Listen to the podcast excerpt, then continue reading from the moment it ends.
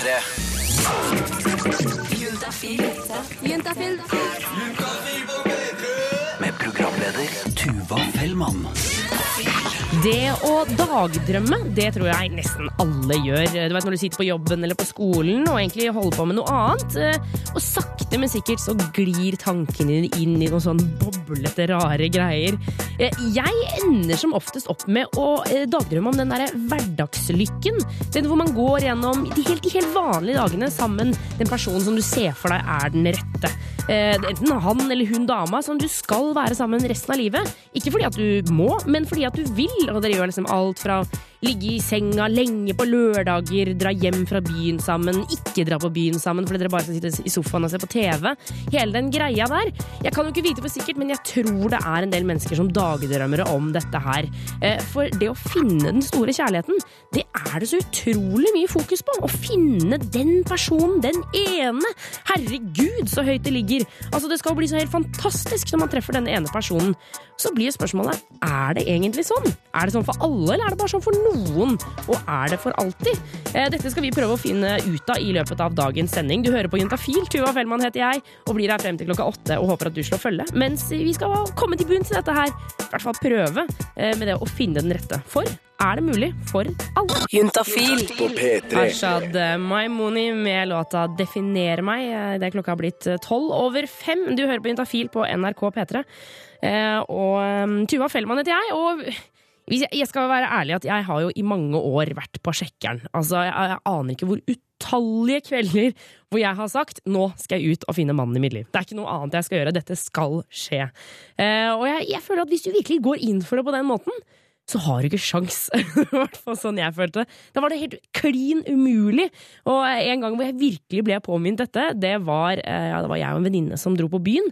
Eh, Og jeg skulle finne han. Altså, det var det jeg skulle. Jeg skulle ut og finne mannen i mitt liv, og hun var litt mer sånn Æh, det er ikke så viktig for meg om Jeg er ikke jeg er ikke så superkeen på å få kjæreste, men altså, det hadde vært hyggelig om det hadde skjedd. Men det er ikke noe, det er ikke noe must for meg, da. Uh, og vi dro på et typisk sånn dansested, en hiphop-klubb, husker jeg. Og idet vi kommer inn, så på en måte steller jeg meg og skanner liksom utestedet. Eh, sjekker etter alle gutter som kan passe inn i min smak. Og da sto det jo selvfølgelig en fyr der, da, med caps og kul, litt sånn stor T-skjorte. Og jeg sier til min venninne, ser du han der? Fy fader, ser du han der? Herregud, så kjekk. Han skal jeg danse med i kveld. Det, det er liksom, det skal jeg gjøre.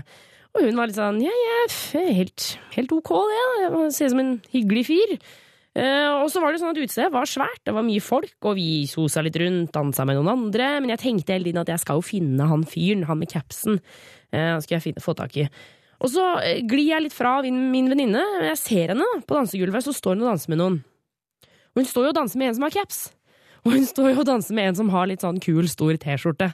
Og jeg skjønte ganske kjapt at det var denne fyren. Eh, og det var ikke sånn at jeg ble lei meg eller noe i den duren, eh, for jeg fant jo mannen i mitt liv tre ganger i uka.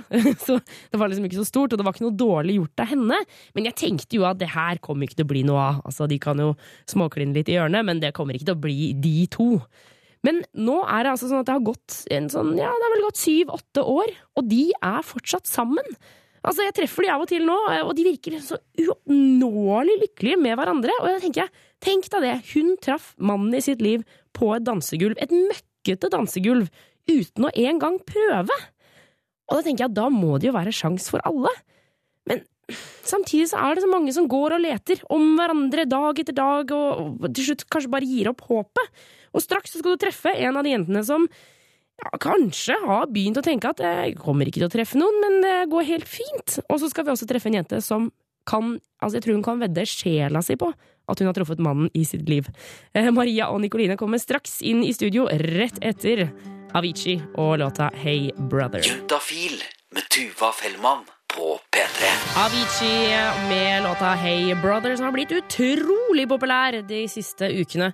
Klokka den er blitt eh, straks ti på halv seks, og jeg har fått besøk i studio av to flotte, pene, unge jenter. Nikoline og Maria, velkommen til Juntafil. Tusen takk. Takk. Eh, dere kjenner ikke hverandre, eh, og dere er eh, nesten like gamle. Eh, Maria, du er 24, og Nikoline er 22. Yes. Eh, og, men allikevel så føler jeg at dere to har ekstremt forskjellig syn på denne store kjærligheten vi snakker om. eh, Nikoline, du har ikke funnet den. Nei. nei, nei, nei. Nei det har jeg ikke. Eh, Maria, du sitter her altså med en blank, skinnende ring på fingeren. Kan ikke du fortelle Oh, om den? Nei, det er jo en forlovelsesring, da. Ja, nettopp. Kan ikke, eh, for du har vært eh, kjæreste med kjæresten din i, eller forloveden din da, i snart ti år. Når, når traff dere hverandre første gang? Vi eh, traff hverandre ordentlig første gang på kafé da jeg var eh, 15 år gammel og skulle begynne i 10. klasse. Eh, eh, ja, hva skal man si? Vi hadde hengt litt i samme vennekrets. Eh, så satt jeg der på kafé en dag. Det var kul med den enkle mokkaen min med ekstra sjokolade. Ja. Og så satt han på nabobordet, og så begynte vi å prate. Og så ble vi sittende der og prate i jeg tror tre-fire timer. Da var mye gjort. Ja. Og da falt du pladask? Da falt jeg ganske pladask, ja. Han var to år eldre i tillegg, da, og veldig kul, skal jo sies. Ja, ja, ja, ja nettopp. Em, men altså, jeg tenker sånn, hvor, hvor opptatt syns dere at man skal være av å finne på en måte den store kjærligheten, eh, Nikoline? Jeg mener at eh, det, det, det kommer. Jeg syns ikke man nødvendigvis trenger å gå ordentlig inn for å jobbe for å finne den store kjærligheten. Da tror jeg du finner noen som ikke er den store kjærligheten. Ja. Og, og det er bare en type en eh, one night stand, liksom? Ja, at du tenker sånn Nå må jeg finne meg kjæreste, nå må jeg finne det, Han er er sikkert eh, perfekt for meg, og så ligger det sammen, og så er det ferdig. Ja, ja, sånn. Jeg skjønner. Eh, Maria, når er det du eh, tenker med kjæresten din at liksom, ja, fy fader, liksom at du, når du kommer på at dette her er mannen jeg skal gifte meg med? Når er det du liksom kjenner på at det, dette er riktig? Det går nok veldig mye på småting i hverdagen. Eh, Vi har vært sammen såpass lenge at vi har utviklet en ganske intens eh, intern humor. eh, Spesielt på enkelte nerdeting. Så ting som at vi, vi satt og kikket på TV-serien How I Met Your Mother, og så hadde de byttet ut Stormtrooperen, som han Barney har i leiligheten sin, med en Empire Trooper. Og da jeg så det og gjenkjente det, så smalt det konsekvent fra min kjære at hvis ikke jeg hadde fridd allerede, så hadde jeg gått ned på kne her og nå. Det går nok mye på sånne ting. Sånne små Jeg må innrømme at jeg ikke ante hva du snakker om. Nei. Folk som er Star Wars-fans, de kommer til å vite det. skjønte det. Mm. Ok, du tok den, ja. Ja. Så da, da er det mulighet for deg også, Nikoline. Ja, men jeg hater litt sånne par, egentlig. Så. Hvorfor blir du bitter, Nikoline, når du, når du hører dette her, liksom? Nei, jeg syns det er koselig. Men eh, det er litt klissete også. Men det er jo koselig, herregud. Hvis hun blir lykkelig, det, det er fantastisk. Men jeg har ikke det i livet mitt, så man blir kanskje litt bitter, ja. Jeg skjønner. Um, men uh, Maria, hvor, altså, hvor sikker er du på at dette er riktig? Jeg er veldig sikker. 100% liksom? Ja, så langt man, man kan eh, 99,9. Ja. Ja. Herregud. Eh, og vi skal snakke mer med disse to jentene litt om jakten på å vinne den rette, og skuffelsen hvis han ikke er det. Det rett etter eh, hard, god hiphop. Det er Two Chains, eh, og låta heter Used To. Du hører på Juntafil på NRK P3. Tuva Fellmann heter jeg, og håper du blir her helt frem til klokka åtte. Juntafil. Two Chains med låta Used To. Eh, Klokka har blitt eh, fire på halv seks. Du hører på Juntafil på NRK P3. Og studio er fylt opp av flotte, fabelaktige jenter, inkludert meg selv, selvfølgelig. Men Nikoline og Maria er også her. Eh, og vi snakker om det å Vi har litt et sånt Er det et jentete tema i dag? For vi snakker om det å finne den rette. Og eh, Maria og Nikoline, tror dere vi jenter er mer opptatt av det enn gutter? Jeg, jeg, jeg tror det. Det er veldig mange som er desperate etter å finne den rette Ja, av damer. Får jeg inntrykk av. Ja, ikke sant. Men samtidig så er det jo litt sånn skummelt hvis man Ja, det er den der kampen om å finne, da. Hvis ikke så eh, skal man leve ulykkelig resten av livet, da. Eller liksom hva er det som skjer?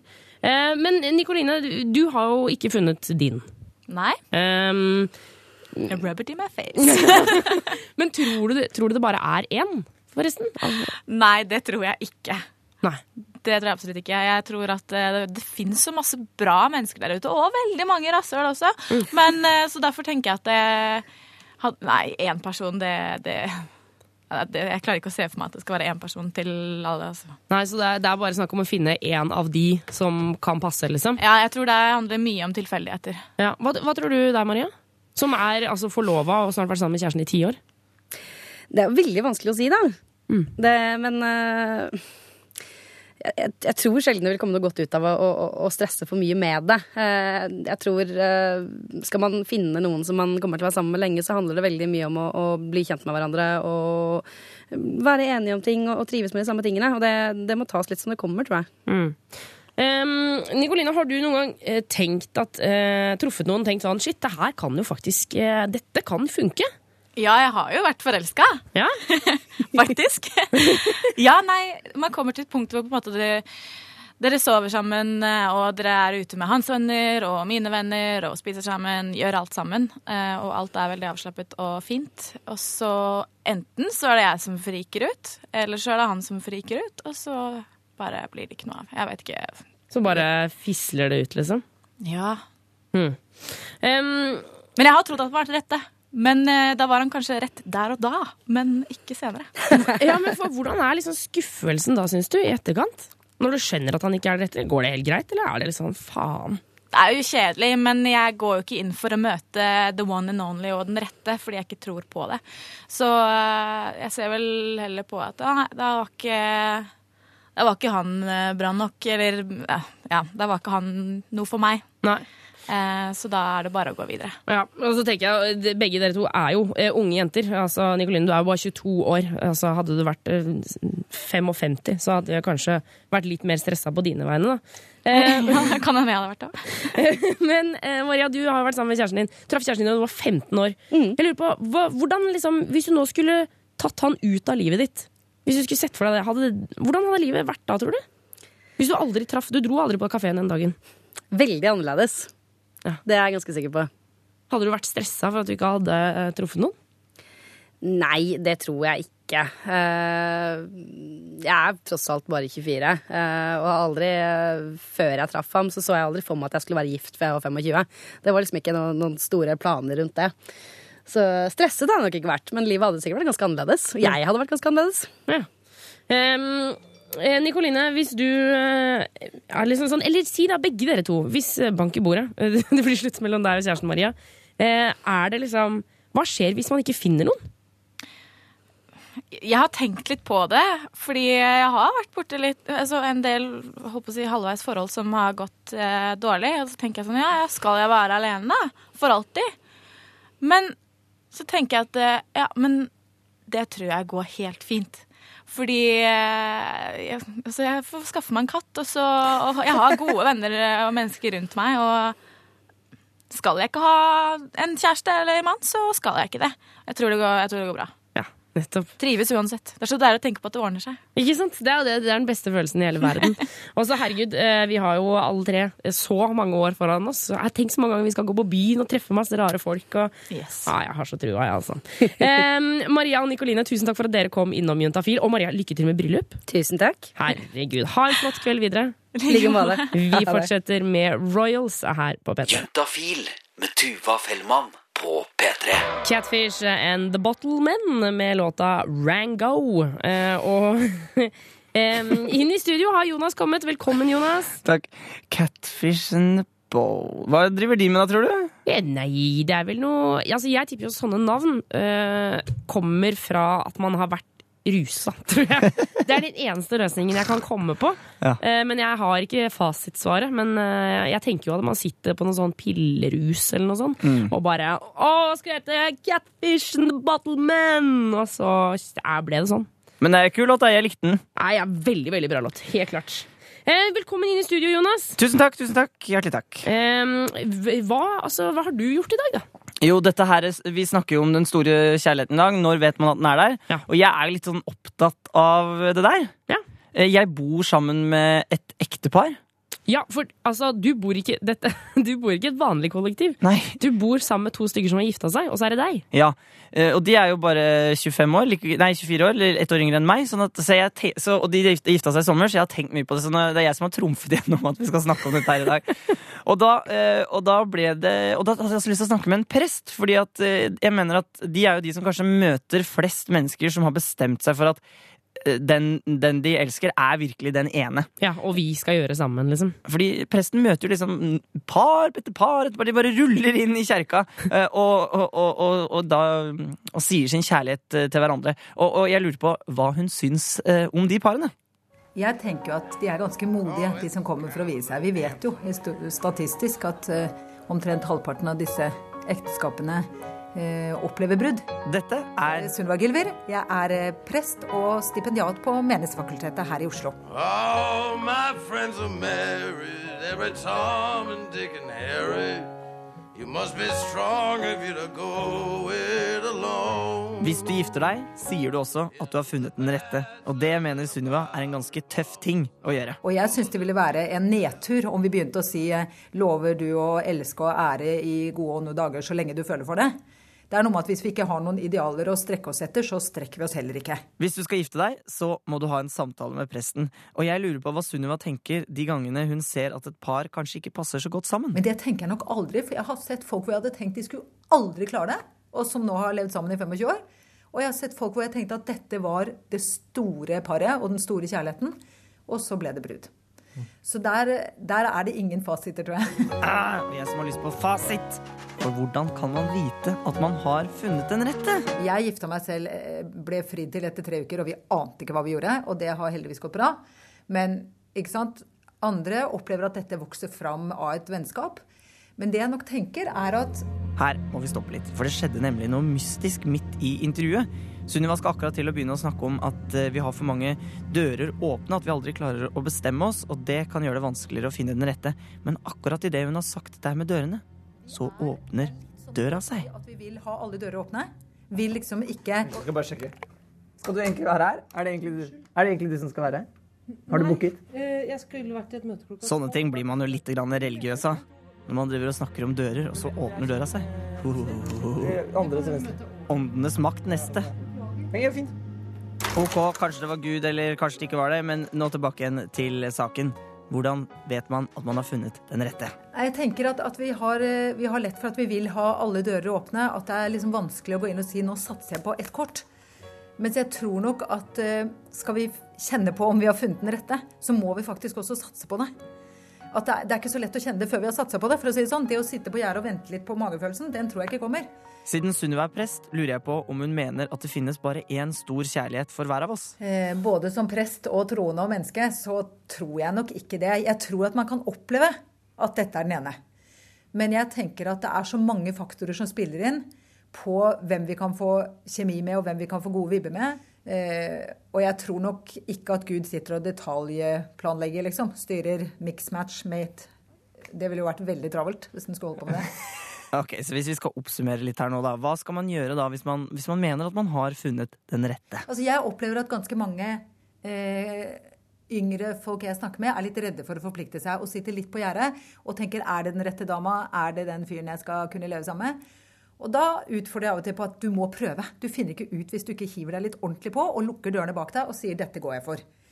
Eh, Men jeg tenker også at det er lov å bruke huet. At hvis du elsker friluftsliv, og det er det eneste du vil holde på med, og så finner du en kjæreste som bare vil sitte og se på gullrekka, så må man jo kanskje spørre seg vil dette funke. Skal jeg dra på fjellet alene og han eller hun sitte og se på gullrekka, og så møtes vi på noe annet? Vi trenger ofte litt sånn motstand fra de rundt oss som spiller litt djevelens advokat, men så trenger vi også litt oppmuntring til å si gi gjerne! Dette kan faktisk være det store og flotte og nydelige. Og da må man hive seg litt uti og gi 100 For jeg tror hvis du gir eh, 30% så tror jeg at du får bare oppfylt din egen skepsis på at nei, det kunne ikke la seg gjøre. Men da prøvde man kanskje heller ikke hardt nok, da. Det er ikke jeg som klapper nå, altså. Kjempebra! kjempebra! Det er bare, det er bare de som klapper for Tom Waits, som sang så vakkert eh, i reportasjen. Jeg får, jeg får lyst til å gifte meg av dette her. Ja, ikke sant? Jeg blir skikkelig gifteklar, faktisk. Hun var veldig hyggelig, hun presten. Eh, og så, Det er jo spennende å høre på noen som eh, har møtt så mange eh, forelskede og elskende par. Mm. Men eh, eh, Og så er det jo en del folk, ganske mange der ute, som ikke kanskje vet sikkert om de har funnet den rette, eller om de, de er kanskje til og med redde for om de noen gang kommer til å gjøre det. Ja, Sånn- er litt sånn «Øh, Jeg har ikke funnet noen, kommer jeg til å gjøre det? Ja, sånn som eh, Nikoline som var her i stad. Ja. Eh, så derfor så har jeg snakket med en spåmann. Da skal vi få høre hvordan det gikk da Jonas gikk til spåmannen. Ja. Eller, eller spåmannen kom til meg, da. Ja, For å spørre om den store kjærligheten. Rett Oh, yeah. etter Adele med 'Rolling in the Deep' på P3. Rull, rull. Adele, 'Rolling in the Deep'. Eh, Og det er meg, Tuva Fellmann, som står i studio sammen med Jonas Jeremiassen Tomtur. Aha. Aha, Rett før Adele her, så sa du at du har gått til en spåmann. Eller du har fått en spåmann på besøk i dag. Ja. Fordi eh, altså, hvis man ikke vet om man har funnet den rette, så hvem andre skal man spørre da? Ja, og hvis man ikke vet om man kommer til å finne den rette. Ja, nei, ikke sant? Alle disse tingene. Derfor så har man spåmenn. Ja. Altså, jeg vet ikke om jeg tror på de greiene der, jeg. Men eh, jeg ringte da altså Henning, spåmann Henning, som er da Han er liksom eh, Han kaller seg selv verdens beste spåmann, Ja. så det må man jo stole på, da. Og så spurte jeg han hva er det folk lurer på da når de, når de besøker han. Eh, selvfølgelig det hva de lurer på. De lurer på om de passer til hverandre, først og fremst. ikke sant? Altså, om, om, om de snakker samme språk. Om i det hele tatt eh, forholdene er eh, veldig tilrettelagt for et, eh, for et forhold videre, for eksempel. Dette her, det er Ja, hei du, jeg heter da Henning Hailiang, eller doktor Henning Hailiang. Jeg har skrevet en del doktorgravavhandlinger her og der. Eh, jeg er faktisk ekspert i det meste. Så jeg kan nesten alt. Det kan man nesten si. Og grunnen til at jeg snakker med Henning, er fordi han kaller seg selv en spåmann. Ja, altså, jeg er altmuligmann. Så en spåmann er greit, men jeg er altmuligmann, egentlig. Så jeg har uh, tusenvis av ting jeg driver på med. du er ikke så veldig beskjeden, Henning. Nei, ikke beskjeden. Aldri vært beskjeden. Eh, Min far var heller ikke beskjeden, så jeg lærte av ham. Henning er en av de mest selvsikre menneskene jeg noen gang har møtt, og jeg skjønner at folk eh, går til han for å få råd og for å bli spådd. Og hva sier han da når, eh, når noen lurer på om de kommer til å finne den store kjærligheten? Altså, når en person kommer til meg, så kan jeg egentlig spørre vedkommende når jeg du er født og sånn, ut ifra datoen, eh, fødselsdatoen, og til og med ut ifra hvordan du ser ut og hvordan dette ansiktet er, så kan jeg si ganske mye om deg og ganske mye om vedkommendes person, og hvilke eksempel kjærlighetskrav vedkommende har, for å definere da videre om, om det finnes muligheter for å finne seg en, den rette. Men uansett så har man også fødselsdatoen sånn at eh, det gir en astrologisk eh, såkalt vei å gå. Sånn at eh, i det ene året så er det mye lettere for å skaffe seg en kjære, kjæreste, og i det andre året så er det litt verre. Men Henning, hvordan spår du? Det å spå, det er jo sånn at man har veldig mange forskjellige verktøy og kriterier, blant annet. Eh, verktøy kan være dette med at eh, man kan bruke astrologi, man kan eh, se på et ansikt, som jeg sa, se på en hånd, og så bruke da I Ching, bruke da tarotkort, etc., etc. Eller så kan man, eh, sånn som jeg eh, gjør, som jeg er ganske veltrent i mine ting, da, så tar jeg det bare rett fra luften. Hvor kommer det fra, da? Hvor kommer det fra? Som jeg sa til deg, jeg tar ting fra ovenfra. Jeg tar ting Jeg er veldig såkalt forutseende person, så jeg føler meg fram ting rett som det er. Hvis man ikke gidder å bruke penger på å bli spådd, og det syns jeg heller ikke at du egentlig burde gjøre, eh, hvordan skal man da finne ut eh, at man har funnet den rette? Ja, altså som regel eh, så er det sånn at hver gang når, når du liksom møter den personen du er sammen med, da, eller snakket med den personen du, snak- eh, du, du liksom har funnet fram til, så når hjertet begynner å banke hver gang, så har du egentlig mer eller mindre klart å finne vedkommende. Men det må også være gjensidig, da, sånn at det ikke bare er at eh, ditt hjerte banker, og, og så er det helt eh, stille og rolig på den andre siden. Og det er jo litt trist. Det er ganske trist, ja. Han var litt klok på slutten der. Ja, man skulle ikke Skulle man tro det? Ja! Må ikke du sitte her og være dømmende. Nei, Jeg er ikke dømmende i det hele tatt, jeg. Vi er åpne, vi tester alt, og etterpå så skal jeg bli spådd! Kakk, kakk, motherfuckers! Kakk, kakk, kakk. Motherfuckers. Det her er Someone New. Hold det her for å høre hvordan det gikk da når Jonas ble spådd av spåmann Henning. Motherfuckers, Someone New her på P3. Kakk. Ok, ok. Ikke noe mer enn det. Bare et lite kakk fra Jonas der. Ja. Eh, du har hatt besøk av spåmann Henning. Ja, han, eh, han har så, han så mye selvtillit at jeg tror at han kunne fortalt hvordan resten av livet mitt skulle være. Uten at Jeg hadde, jeg hadde ikke trengt å si noe. Han kunne bare liksom, jeg kunne sagt hei til han, og så kunne han sagt hvordan det kom til å bli. Ja. Men, eh, men nå, nå skal jeg spås av, av Henning, og, og da sa jeg at kanskje det er greit å vite noe. da. Så da sa jeg når jeg er født. Jeg er født eh, 18. mars eh, 1988, altså 25 år. Dette fortalte jeg han. Så du er født i Fiskenes tegn 1988, så da er du født i dragens år. Så du, år. ja, så du er eh, født i et veldig godt år. Er det sant? Ja, Er 88-modell er dragens år. Det er det beste året som er å, få, å, å bli født på det. Er det sant? Ja, så alle kinesere ønsker å føde barna sine i dragens år. Men hvorfor i svarte svingen er jeg singel da? Ja, ja. Er du singel? Det er på grunn av at du ikke klarer å bestemme deg. I og med at du er født i fiskenes tegn, så har du litt problem. Oh, ja. Du klarer ikke å bestemme deg. Det er riktig. Ja, Så den ene gangen så er du veldig selvsikker, og den andre gangen så er du veldig usikker. Men uansett, så siden du er eh, drage attpåtil, så er du en perfeksjonist. Du må ha en som er helt, helt 100% Det stemmer også. Ja, Så da Det er er det veldig veldig, vanskelig. Vanskelig. Veldig vanskelig. Men kommer jeg til å finne den rette, Henning? Eh, I år så ser det veldig greit ut. Ok. Ja. Altså 2013 burde være, et godt år for deg, men jeg tror ikke du eh, gadd å gjøre noe med, det. Men jeg tror at eh, 2014 blir nok litt mer aktiviteter. Ja. Ok. Ja. 2014 er året. ja. Da er det hestens år som kommer. I året så er det slangens år. Ting går litt tregere, ja. Spesielt for deg som er da først i fiskenes tegn, så er det litt tregere i år. Og det har du sikkert lagt merke til. Men eh, til neste år så er det litt mer fart og spenning. Ok.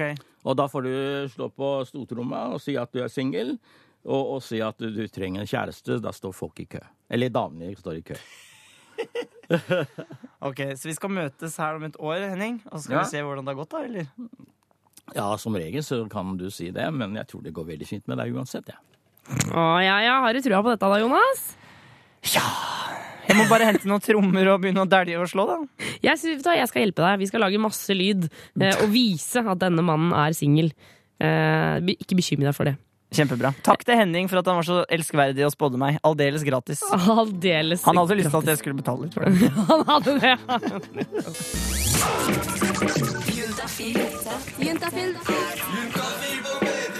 Med programleder Tuva Fellmann. For en stund siden så gikk jeg eh, og snakket med en ganske ung jente. Hun var kanskje 11-12 år. og Vi prata om været og om jula som er rett rundt hjørnet, og ja, liksom bare sånn helt vanlige ting. Gikk bortover veien, og så plutselig så spør hun eh, Tuva har du fått mensen. Eh, ja, sa jeg. Det, er noen år siden jeg fikk mensen. Eh, hvordan det? Nei, ikke noe.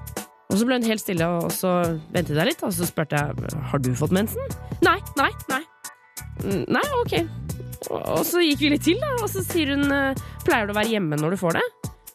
Og så ble jeg litt sånn Hva mener du hjemme? Nei, jeg er ikke hjemme fra jobben, nei. Altså, hadde blitt litt mye hvis jeg skal være borte en uke hver måned. Og da sperret hun opp øynene og bare En uke! For hun gikk da og trodde at mensen det varte bare i to til tre timer, og så var det over. Eh, og nå er jo dette snakk om en bitte liten jente, men samtidig så er det jo sånn med både med kropp og sex og følelser og alt det som er, er at noen ganger så er det jo ting som man kanskje ikke veit. Kanskje man lurer på det og syns det er skrekkelig flaut å spørre. Eh, For det tok jo lang tid før hun turte å komme frem med dette spørsmålet her. Eh, Og jeg skal nå gi deg den fabelaktige muligheten av å stille spørsmålet uten at jeg kan få vite hvem du er. Straks så kommer syslege Rune inn i studio. Han skal svare på hva som helst når det kommer til p-piller, p-stav, penisring eller doggy eller analsex. Hva enn du måtte ønske å spørre om. Send SMS-en din til 2026, kodeord juntafil. Husk å ta med kjønn og alder på SMS-en din, så får vi gitt deg et riktig svar. 2026, kodeord juntafil der, altså. Få svar på dine spørsmål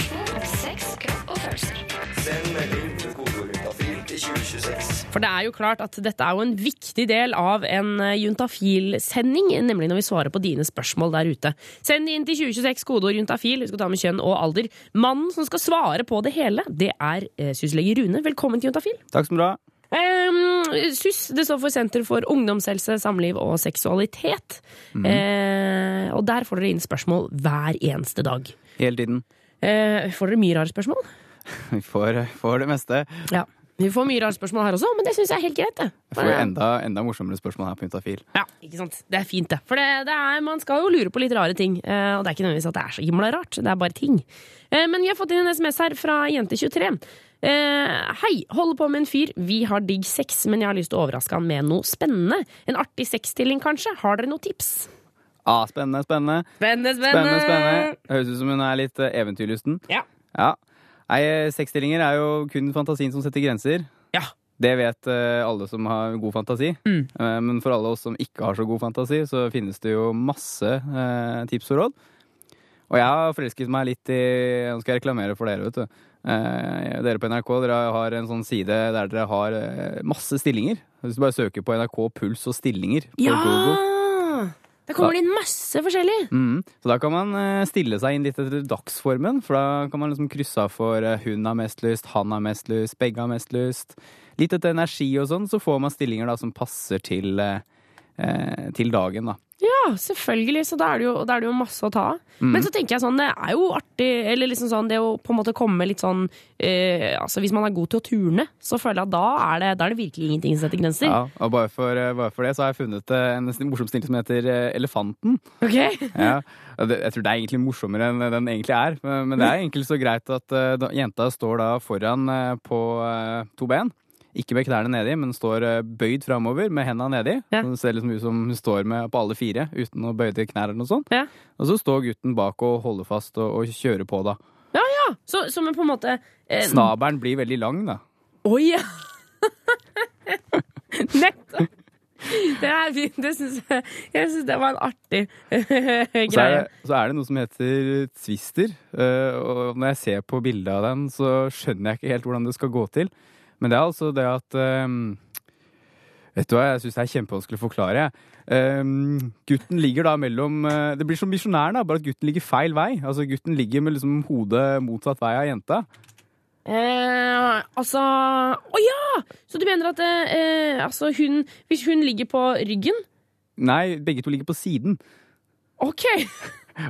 Det ser bare ut som en mølje. Altså. Jeg vet ikke, du må jo være ekstremt myk da, for å få til det der. Men, men uh, ta en titt inn og, og se. Du jente, var det 23 år? Ja. eh, jeg tror du kan uh, bli overrasket over hva du kan prøve ut. Ja, nettopp. Jeg må bare si at jeg søkte på Twister og sexstilling nå. Det kommer bare opp Det kommer opp en haug med barnevogner, og selvfølgelig også bilder fra Twister-filmen som kom ut i hva da, 1997, Mm. om alle tornadoene.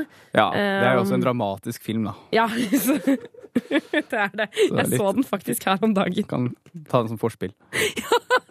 Jeg blir så innmari kåt av tornadoer, skjønner du. Så derfor så må jeg bare se på den før, jeg, før vi skal ligge sammen, og så skal vi prøve Twister-stillingen. Mm. Eh, men eh, sjekk det ut, altså. Søk opp eh, NRK eh, Puls og sexstillinger på Google, og da kommer det opp masse forslag. Eh, Rune, du blir her. Vi skal svare på flere SMS-er. Send inn til 2026, kodeord juntafil. Husk å ta med kjønn og alder. Spør om hva du vil når det kommer til sex, kropp og følelser. Svar på dine spørsmål om sex, kropp og følelser. Send melding til kodeorientafil til 2026. Syslege Rune er eh, back on track. Nei, du har vært der hele tiden. Du er ikke Hele noe- tiden. Ja. Hele tiden. Hele tiden, hele tiden. Vi skal svare på spørsmål. Eh, Det strømmer inn på 2026 kodeorientafil. Alle kommer til å få svar, enten her på lufta eller på SMS i løpet av morgendagen. Eh, og vi har fått inn SMS fra gutt 24. Hvordan smitter herpes? Og blir man kvitt det, både på munn og kjønnsorganet? Ja. Ta det enkleste først, da. At eh, herpes er et virus som man er smittet med, og det blir man ikke kvitt. Det går aldri bort, liksom. Nei, selve smitten i hvert fall. Eh, Men det er ikke sikkert at eh, han har utbrudd for alltid. Å ja! Fordi én så- ting er smitten, og det er en annen ting er utbruddene. ja, for den smitten sitter i deg uansett, men det er ikke sikkert eh, Ikke sikkert han får utbrudd. I hvert fall eh, er det sånn for noen at det kommer en masse utbrudd i starten, eller noen utbrudd i starten, eller ingen utbrudd. Mm. Eh, Og så kanskje det går over. Det er ikke noe jeg kan love, men det skjer iallfall. Ja. Det er jo sånn at eh, herpes er kjempevanlig. Nå er han gutt 24. Eh, Det er sånn at ved 30 års alder så er ca. en fjerdedel av befolkningen smittet da, Oi! av herpes type 2. Den genitale, den underlivsherpesen. Ja. Men det er bare det, noen få som får utbrudd. Ja, ok, men, men eh, hvordan, hvis man får utbrudd, da? eh, Hvordan, altså, kan man ikke bli kvitt det? Må man bare bite tenna sammen og vente? Ja, altså det finnes jo eh, medikamenter som kan hjelpe litt. Eh, Men da er det viktig at han kommer seg til lege, sånn at en lege får sett på det. Ja, ok. Eh, Eller iallfall gi han medisiner, da. Eh, Det er ikke sikkert han har utbrudd akkurat nå, så da passer det litt dårlig, men han kan få gå opp til en eh, fastlegen sin og snakke litt med han eller hun Ja. om å få litt medisiner. Eh, Det finnes medisiner som da kan lindre smertene litt, og forkorte utbruddene. For hvordan ser det ut, egentlig? Ja, det starter sånn, gjerne med litt sånn kløe og irritasjon og svie i det området hvor utbruddet kommer. Og utbruddet er på et relativt lite område.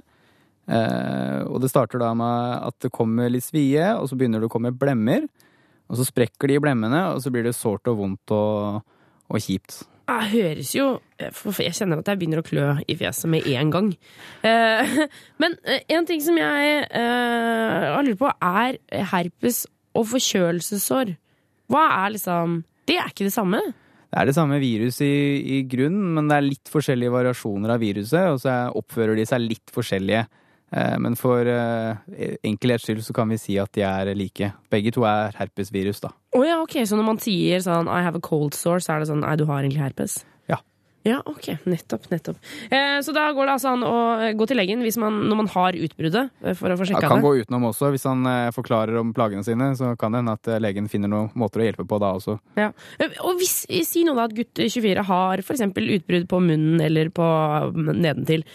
Eh, liksom, kan han ikke kysse noen, kysse noen, da? Eller kan han ikke ligge med noen og liksom, må man vente til det er gått over? Det lønner seg vel å unngå det akkurat når man har utbrudd, for da er man mest smittsom. Man er mest smittsom rett før utbrudd og under utbruddet, men man er også smittsom utenom. Så man kan aldri være helt sikker på om man smitter den man har samleie med, eh, eller ikke. Ja. Det er gjerne sånn at eh, hvis man eh, har samleie med noen som har sår, eller kysser på en leppe som er sår, så blir den som har sår, lettere smittet. Ja. Altså sår i huden eh, gir lettere smitte. Ja. Um, men altså, hvis det er liksom en fjerdedel som er smitta i en alder av 30, så er det jo skrekkelig mange som har det. Noen ganger så føler jeg at er liksom, eh, herpes er på en måte uh, Det høres liksom helt, helt grusomt ut Det er ganske vanlig, som sagt. Ja, Eh, Du trenger ikke å være veldig bekymra. Det er jo en ufarlig eh, tilstand. Det er Ikke ikke, sånn at du dør av den, det er bare litt ubehagelig. Ehm, fortsett å sende inn dine spørsmål til 2026. Kodeord er juntafil. Husk å ta med kjønn og alder. Her får du Ylvis. Få svar på dine spørsmål om sex, kropp og følelser. Send melding til kodeord juntafil til 2026. SUS lege Rune. Det er meg. Det er meg. Eh, vi har fått inn et spørsmål. Hva er den beste prevensjonen eh, å bruke for å slippe mensen, som man kan ta sjelden og er helt sikker? Hilsen jente 20. Og vi beskriver jo det ultimate eh, prevensjonsmiddelet. Ok. Det, det som er perfekt, ikke sant. Trenger ikke å huske på, er helt sikker, slipper mens. Det er jo noe mange jenter drømmer om. Ja. Eh, det finnes jo ikke det medikamentet der man garanterer eh, alle disse tingene. Eller det finnes ikke den prevensjonen. Men Nei. det fins noen som kommer sånn temmelig nære. Ok. Eh, og det er eh, stav, altså P-stav, og eh, hormonspiral. Ok. P-stav og hormonspiral. Vi må ta det for én og én. Vi tar én og én. P-stav. Fortell, hva, hva er det for noe? De som har hørt litt på, er, har jo skjønt at jeg er litt fan av dette, denne formen for prevensjon. Eh, Det er, sammen med spiral, den sikreste formen vi har for prevensjon. Og stort sett så er grunnen til det at det går ikke an å gjøre feil, da. Fordi det er sånn som du, du altså Det høres så dramatisk ut, men du opererer det inn under huden. Det er en eh, nål du stikker inn i huden og setter den inn i overarmen på innsiden av huden, og så blir den sittende i tre år. Ok. Um, Så du trenger, slipper å huske på den da, i tre år, men det er lurt å huske på den etter tre år. Ja, for ja, Man må huske å ta den ut, så ikke den råtner i kroppen. liksom. Ja, Den virker jo ikke så godt etter tre år, da, antageligvis. Nei, jeg skjønner. Hvordan er det når man skal ha den ut, denne greia? Må man, liksom, må man skjære den ut? Da da? blir det et bitte lite snitt på kanskje en halv centimeter, og trekke den ut. Og, og den syns ikke til vanlig? Nei. Det blir ikke sånn sånn der eh, Jeg har jo sett sånne eh, piercing-studioer og sånn som har begynt med sånne der jernklumper inn under huden. Det blir ikke sånn. Nei, Man kan kjenne den, da. Det er litt avhengig av eh, hvordan legen setter den. Noen ganger så blir den satt litt dypere enn eh, andre, eh, men den skal kunne kjennes da, med fingrene. Okay. Men det som er fint med den, er at, eh, at eh, den er trygg. Eh, Men dessverre er det noen jenter som opplever å få litt sånn uregelmessig menstruasjon. Eh, Så hvis eh, dette er en person som sliter litt med det, så kan hende at eh, kanskje ikke det er den beste. Ja. På den annen side så er det ca. en tredjedel som etter hvert eh, opplever å eh, få veldig sjelden menstruasjon, eller miste menstruasjon helt. Ja. Men det er litt gambling, da. Man vet jo ikke helt hva, hva man får. Eh, og, og hormonspiral, kjapt, hvis du kan forklare hvordan det Ja, funker? det er en uh, hormon, T-formet hormonplastikk uh, sånn, ja, plastikkgreie som man setter inn i livmoren. som blir sittende inntil fem år. Eh, og det er eh, også like trygt da, som stav, og det må settes inn av lege. Eh, Og her ikke- også forsvinner liksom På lang sikt så forsvinner mensen etter hvert? Ja, ikke hos alle. Det er ca. En, en femtedel, en av fem, Ja. som opplever at mensen forsvinner helt. Men 90% altså ni av ti, opplever at de får mindre blødninger. Ja. Så det gir god blødningskontroll, da. Nettopp. Så det finnes ikke noe medikament altså, som kan løse sånn at man slipper mens for alltid, men eh, det finnes medikamenter som kan hjelpe litt. Ja. Da sier vi lykke til til jente 20, og håper at hun eh, oppsøker eh, sin fastlege og dermed får utskrevet den prevensjonen hun trenger. Nummer inn er 2026, koder er juntafil. Straks så blir det en liten oppdatering her på eh, P3. Eh, litt sånn spesiell nyhetsopplesning, vil jeg si. Juntafil fra fem til åtte på Daft P3. Punk og Pharrell Williams, Lose Yourself to Dance. Du hører på Juntafil. Eh, Tuva Fellmann heter jeg. Men jeg skal gi mikrofonen over til en annen person, for det er jo selvfølgelig viktig for oss i eh, Juntafil at du holder deg oppdatert eh, og får med deg det som er verdt å få med seg. Og siden klokka har passert eh, halv syv, så skal du få en nyhetsoppdatering. Og det er selvfølgelig Jørn Kårstad som gir deg de viktigste sakene fra uka som har gått. Du hører på NRK P3. Dette er Seks nyheter. God kveld. Dette er ukens viktigste nyheter. Amerikansk stat går inn for å legalisere homofilt ekteskap, og Hollywood-stjerne lei av penisfokus. Men først til TV-skjermen. Eks-TV-stjerne tilbys millioner for sextape. Ifølge TMC er pornofilmselskapet Vivid beredt til å tilby store summer for eks-Beverly Hills 90210-skuespiller Tori Spellings omtalte sextape. Skuespilleren skriver i sin selvbiografi at hun og ektemannen Dean McDermott lager en amatørvideo på Valentine's Day i 2009, og pornoselskapet er forberedt på å bla opp for å få filmen i hendene. Spelling har tidligere i år fortalt om familiens pengeproblemer og kan bli tvunget til å vurdere et seriøst tilbud fra Vivid. Hawaii går inn for å lovliggjøre homofilt ekteskap. Det kommer frem etter at Senatet har godkjent et forslag om å sidestille likekjønnet ekteskap i en stat så lenge har vært et populært reisemål for par som ønsker å vies. Dersom forslaget godkjennes av The House of Representatives, noe det ligger an til å gjøre, blir Hawaii den 15. amerikanske staten som gjør det lovlig for homofile og lesbiske par å vies. Hollywood-stjerne lei av penisfokus. That's my boss. Hey, do you want to play? Your hard drive is filthy. I mean, it is dirty. Slowly. Det er den amerikanske skuespilleren Michael Fassbender, kjent fra filmer som Inglourious Bastards, X-Men og Prometheus, som kommer med utspillet. Fassbender, som i 2011 spilte i dramaet Shame, hvor han opptrådte naken, er lei av alle ryktene om hans penis i etterkant. 36-åringen mener det er seksuell trakassering, og sier at det samme ikke hadde vært tillatt dersom det var snakk om en kvinnelig skuespiller. Så spørs det om ikke Fassbender holder slangen i buksa i de neste filmrollene sine. Det var ukas sexnyheter. Mitt navn er Jørn Kårstad. Husk kondom. Alltid. Juntafil. Carnival Kids med låta What To Do When Awake Within A Dream. Og nå, kjære lytter, er det på tide at vi skal bli litt klokere. Syslegen forteller oss noe vi ikke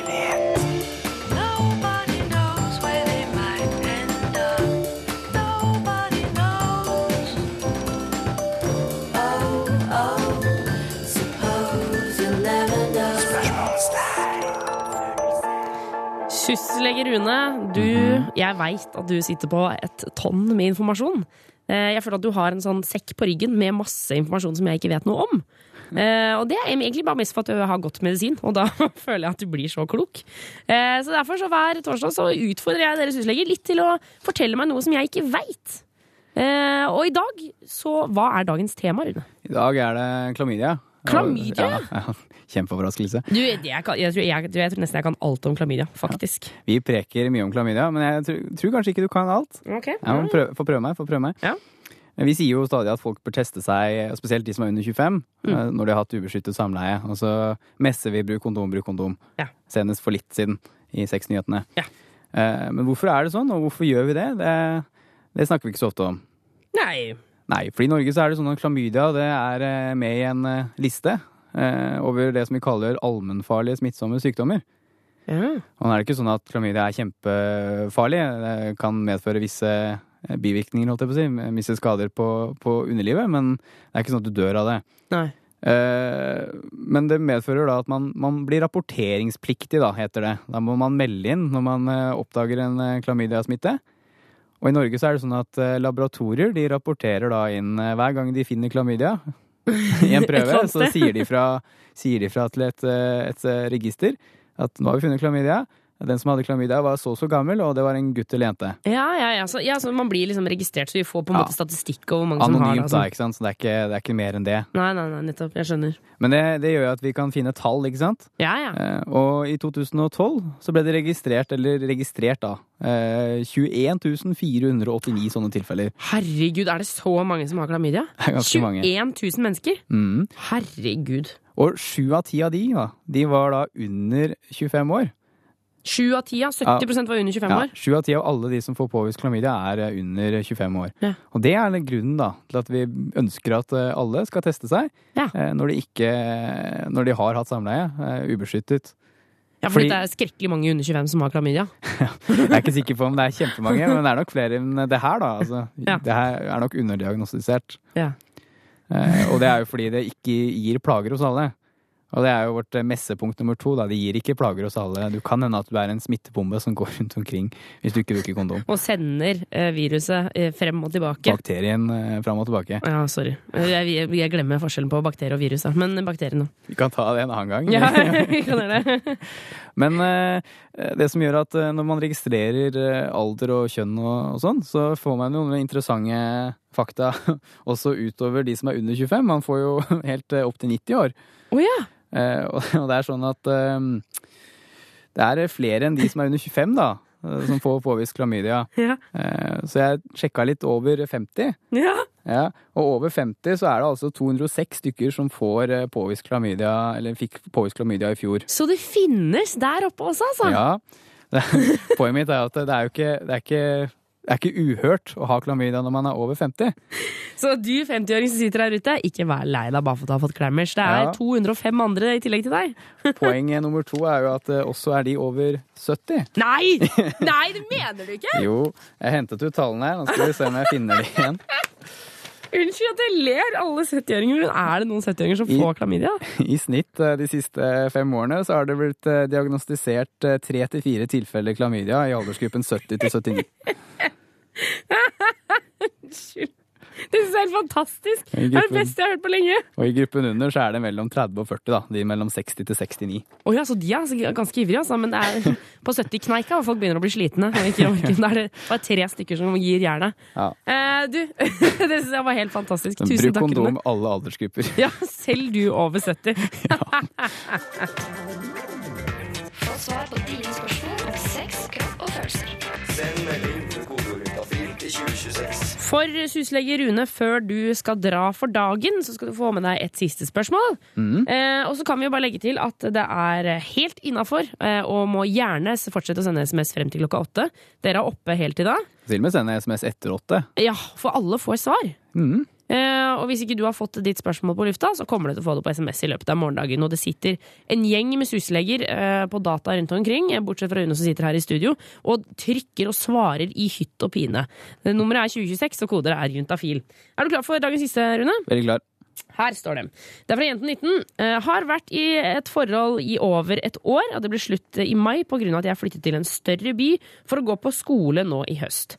Hvordan glemmer jeg han eksen min? Uh, jeg, er den, jeg er ikke i den verste sorgsperioden, uh, men ennå så klarer jeg ikke å slutte å tenke på han. Det irriterer meg. Hadde han villet ha meg tilbake, så hadde han tatt kontakt, så det er nok ikke noe håp der.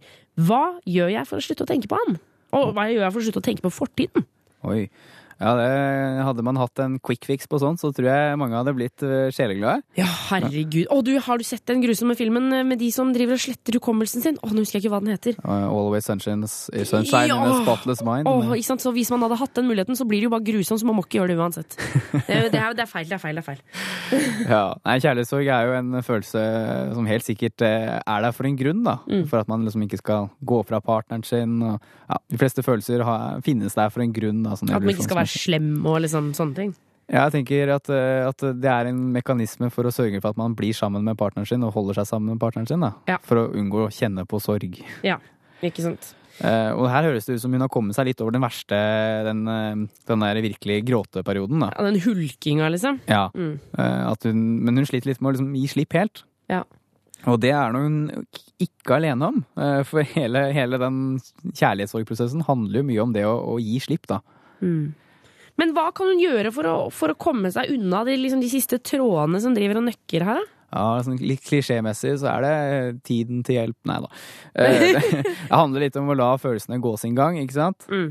Men for å kanskje hjelpe litt på det, da, og prøve å fylle den tiden For hun brukte antageligvis mye tid sammen med kjæresten sin ikke sant? før hun flyttet eh, Jeg antar at hun begynte på skole nå i Ja, hun står også. Ja, begynte, i høst. Ja, i høst, ja.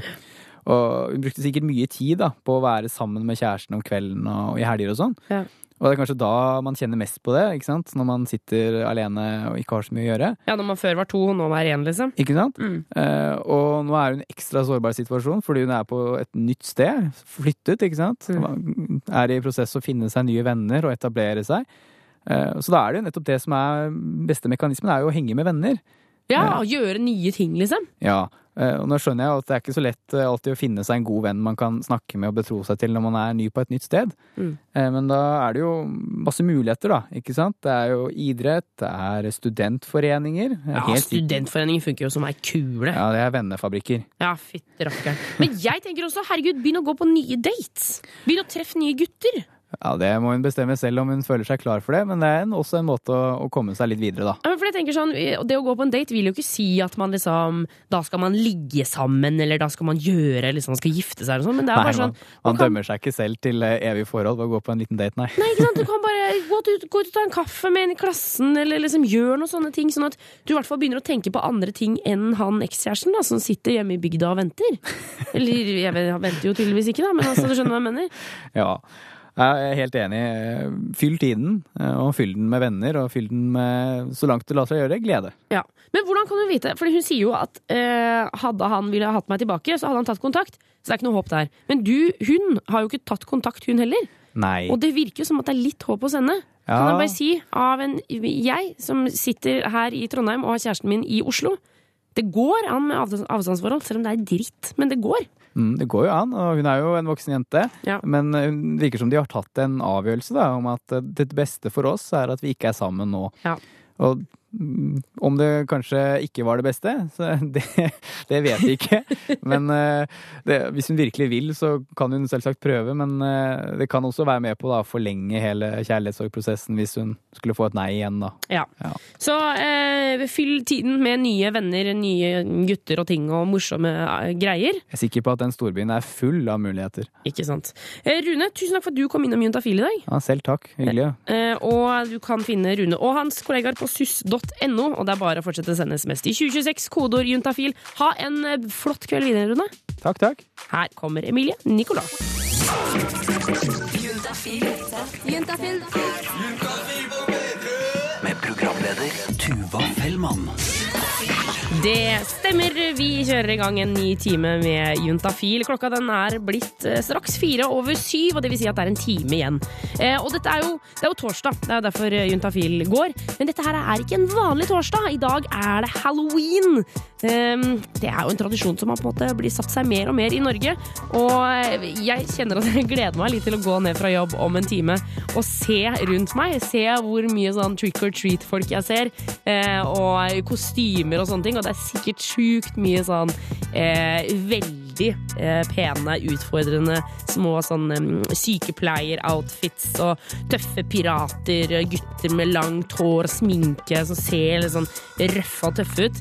Så skal ikke se bort ifra at eh, å dra ut og, og sjekke folk i dag, det er nok ikke nødvendigvis en dårlig idé, altså. Det er selvfølgelig alltid usikkert da, hvis du tar med noen hjem og våkner opp dagen etter, så kan de jo se skrekkelig annerledes ut enn det de gjorde da du tok de med inn. Um, jeg heter Tuva Fellmann og blir her frem til klokka åtte. Straks så skal vi ut til vår reporter Jonas Gremiassen Tomter. Han har nemlig fyket ut av studio og eh, har gått ut på gata. Vi skal få høre hva han har funnet på. Eh, ja, herregud, det er ikke noe mer å si enn det, enn at jeg håper at du har det fint, og at det er en bra torsdag. P3. Det var Swedish House Mafia med Don't You Worry Child, eh, som du fikk her på Juntafil på NRK P3. Klokka den er blitt åtte over syv. Og ehm, for en stund siden så var eh, jeg på HV-festivalen. Og det er jo, HV-festivalen er jo det stedet hvor man faktisk kan ta med seg en liten opptaker og spørre folk om hva som helst, så har de lyst til å svare på det. Det er helt fantastisk.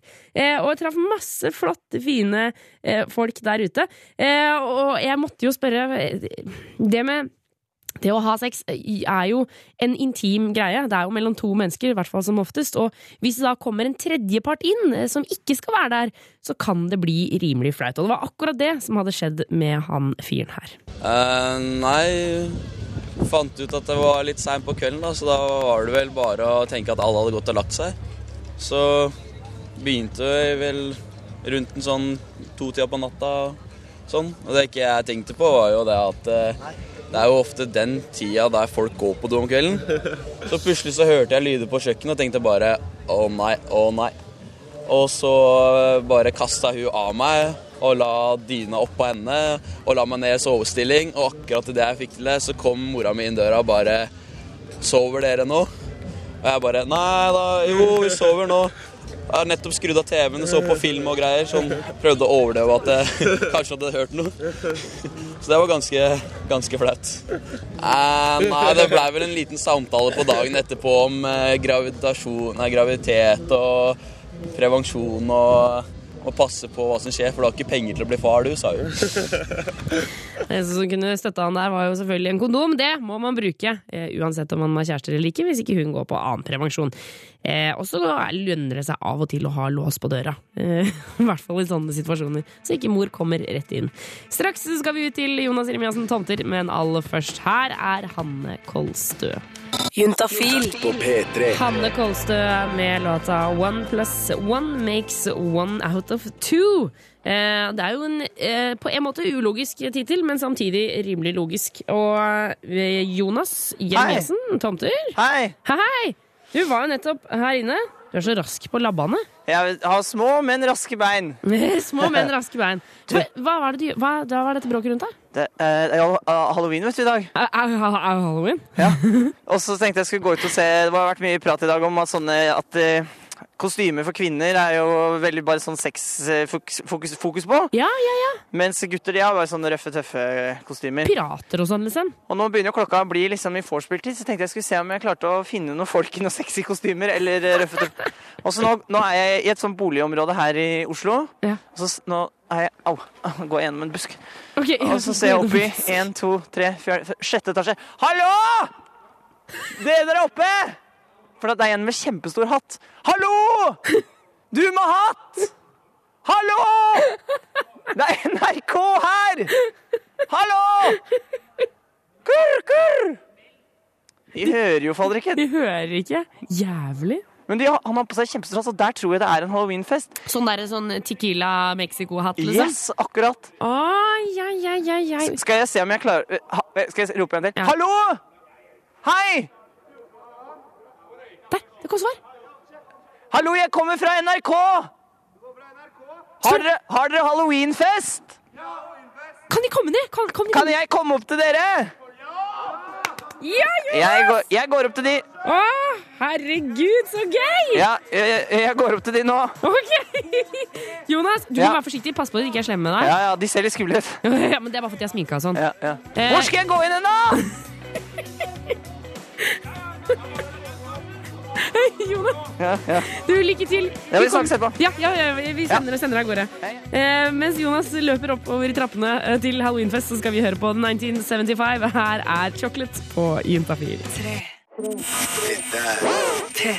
Mr. Little Jeans med Oh Sailor, og før det The 1975 med låta Chocolate. Og det er jo ikke lenge siden jeg snakka med reporter Jonas. Da var han ute og gikk. Det er jo halloween. Og han hørte en fest eh, oppe i sjette etasje i en blokk, og det var noe hallo, og det var noe roping. Og eh, Jonas, nå har du dratt inn på festen. Ja, nå står jeg ute på terrassen her sammen med masse gutter. Og, eh, altså, det er et svært glassvindu som jeg ser inn på. Og der står altså Pikachu, nei, jo, Pikachu er der. Eh, The Fox har en stor plastikkhammer som han slår i hodet på de andre. Og det er generelt eh, god stemning her oppe i sjette etasje. Ja, Er de sexy, ja? Eh, er- vil dere si at dere, eh, dere tenker dere på å kle dere ut sexy når dere skal kle dere ut? Nei, jeg vil jo si vi tenker litt som jentene. Det er viktig med utringning og mye hud. Forklar hva du, hva du har kledd deg ut som, og hvordan du ser ut. Nei, I kveld så kjører vi eh, Aladdin. Ja, folk har sett Aladdin på tegneserie og vet hvor det går.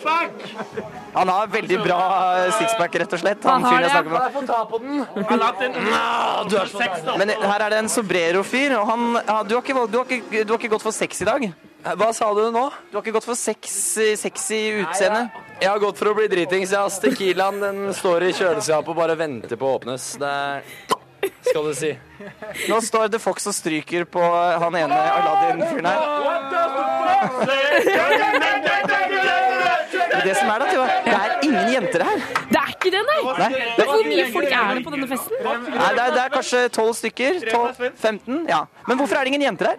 Fordi eh, vi er lacrosse-gutta til BI, og vi skal møte lacrosse-jentene til BI senere på lavvo. Jeg kan forklare det ganske godt. Du tar ikke med deg, eh, du tar ikke med deg sand på stranda. Det kan forklares du tar ikke med med fisk på ingen fisketur. sex før klokken tolv.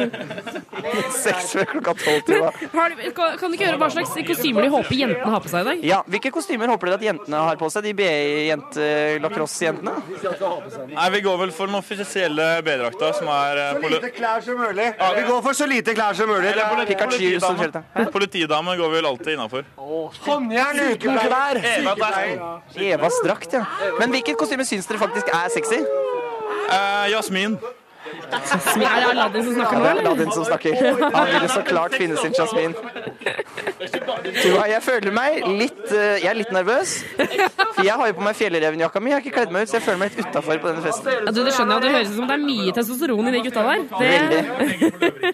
Men du, Jonas, det var jo veldig imponerende at du fant en fest på så kort tid. Ja, eh, det er lett å finne fest eh, hvis man leter.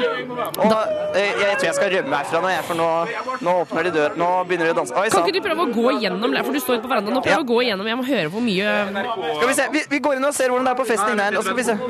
Oi sann. Nå skal vi ta bilde, Tuva. Å ja, ok, selvfølgelig. Vi sender jo bare radio. eh, Drit i det, det er ikke noe viktig. Jeg tror jeg... Nå tar vi bilde av en fyr i hjertedress. Ja! Hjertedress. Hjertedress er veldig fin. Tuva, sett på en låt. Jeg må komme meg ut herfra. Eh, Jonas, vi deg videre. Han slipper aldri ut! Nei, vær forsiktig med han! Jonas, klarer du deg? Ja, det går fint. Ok. What does the pop say? P3. M83 med låta Reunion eh, idet klokka blir halv åtte. Og eh, Jonas, vår reporter, har du kommet deg ut av halloweenfesten? Ja, det har jeg. Altså, hva var det som skjedde der? Det er alltid så spennende når man eh, du, du vet, Hvis du kommer litt sent på en fest, Ja. Eh, og alle de andre har drevet på en stund Alle så, andre er ganske fulle. Sånn var det nå. Ja, nettopp. For det var, det var ivrig stemning. Men eh, hva slags gutter var dette, egentlig? Nei, det var ganske Jeg vil si, hvis jeg skal kjenne min, på min feminine hjerne Altså hvis jeg skal sette meg inn i hvordan Altså, de var kjekke. Ja, Det var, ok. det var kjekke, sterkt bygde karer. Stautinger, liksom? Ja, stautinger som, eh, som hadde Og de hadde kledd seg ut akkurat passe Eller det var, de, festen delte seg i to. De som hadde liksom helt tøysekostyme, Pikachu og The Fox. Og så var det de som eh, liksom prøvde å digge seg til. Han Aladdin som eide huset der. Ja, nettopp. Så jeg, jeg ser for meg at han Der var det baris og det som var. Absolutt. Men eh, tror du på en måte Jeg tenker sånn Tror du, tror du jeg ville likt meg der? Tror du en jente ville likt seg der? Kanskje ikke der. Fordi det var så mye svette folk og mye sånn De drev med sånn bear pong-greie, sånn der hvor du kaster ball i øl og sånn. Å ja, hvor du har masse sånn glass, og så kaster du en sånn lita pingpongball, og så plopp nedi. Ja. Så det var sånn Så, så gutteforspill, det er ikke noe sted for en jente, syns jeg, da. Nei, det er kanskje ikke det, altså. Men jeg ser for meg når de kommer seg ut, ut i verden, som de sikkert skal senere i dag, og de sa jo også det, ikke noe sex før etter klokka tolv. Eh, Da er det kanskje morsomt å være med, jeg vet ikke. Nettopp. Eh, Jonas, jeg synes det er veldig fint at du eh, sjekker ut hva som skjer, og hvor sexy folk er på halloween. Tusen takk skal du ha. Og hvis noen i kveld ligger med The Fox, da har jeg vært og besøkt han først. Eh, takk skal du ha, Jonas. Bare hyggelig. Juntafil med Tuva Fellmann på P3. Fantastisk musikk. Det var Foles med Bad Habit her eh, på NRK P3. Eh, Og Tuva Fellmann heter jeg, og er eh, veldig fornøyd med at eh, vår reporter Jonas klarte seg gjennom halloweenfesten. For dette er jo en torsdag som ja, så, som har blitt større og større. Nå er det jo ikke alltid på torsdager, men altså, det, har blitt en svær greie, dette med halloween-feiring. Men jeg vet jo at det er skrekkelig mange som setter seg på bakbeina og nekter, eh, for dette er en amerikanisering, og det, det flosser over landet vårt og ødelegger. Eh, og jeg sier meg verken enig eller uenig, altså, men jeg må jo bare si at jeg syns det er helt innafor å ikke være på halloweenfest og drikke seg dritings på Tequila, eh, for det er jo en dag i morgen også. Jøss, dette er det klokeste jeg har sagt på lenge. Jeg er imponert over meg sjøl. Straks så skal vi dele ut eh, Vi skal dele ut kondomer her på P3. Eh, for vi Juntafil er jo opptatt av at du skal bruke det, eh, og det koster jo mye enkelte steder. Så straks så er det konkurranse eh, hvor du skal gjette eh, favorittkroppsdelen. Det er en, vi, har med, altså, vi pleier jo å være innom noen kjendiser hver torsdag hvor de beskriver sin favorittkroppsdel, og i dag så er det sjølveste Ida Fladen. Hun du kjenner fra Prosjekt Perfekt, eh, som har blitt, kommet som en sånn stjerneskudd mot himmelen. Straks så skal du få høre eh, og være med i konkurransen om eh, hva hun har som sin favorittkroppsdel på jenter. Straks! Det blir rett etter Ellie Golding. Her er Burn. Juntafil på P3. Ellie Golding med låta Burn. Og nå er det på tide å fiske frem telefonen, for straks så kan du vinne kondomer. Jeg har alltid vært veldig glad i meg selv, og de selvbillettene er da et uttrykk for en kan man si, en selvglede. Nå er det din mulighet til å gjette norske kjendisers favorittkroppsdel. Jeg har alltid vært veldig glad i meg selv. Nettopp! eh, Og det er jo viktig med kondomer. Og våre Juntafil-kondomer er altså så flotte. De er så vakre. Pakket inn i små, nette esker som det står Juntafil på. Eh, kunne ikke vært bedre. Og du skal altså tippe hvilken favorittkroppsdel det er snakk om. Eh, dagens kjendis er Ida Fladen fra Prosjektet Perfekt, eh, som eh, veldig mange har sett. Eh, og Ida, hun er jo hun er en veldig flott dame. Hun er en av de flotteste jeg veit om. Sinnssykt pen! eh, Og vet å kle seg. Eh, Så det du må gjøre for å vinne kondomer når du tipper, det er at du må sende en SMS til 1987, kodeord P3. eh, Ta med navn og adresse, så vi veit hvor vi eventuelt skal sende kondomene. Og så fortell oss hvilken kroppsdel det er snakk om her. Altså P3 til 1987, eh, og da ta med fullt navn og adresse, så vi veit hvor vi skal eh, sende de. Og selvfølgelig da hvilken kroppsdel det er snakk om her. Hei, dette er Ida Fladen.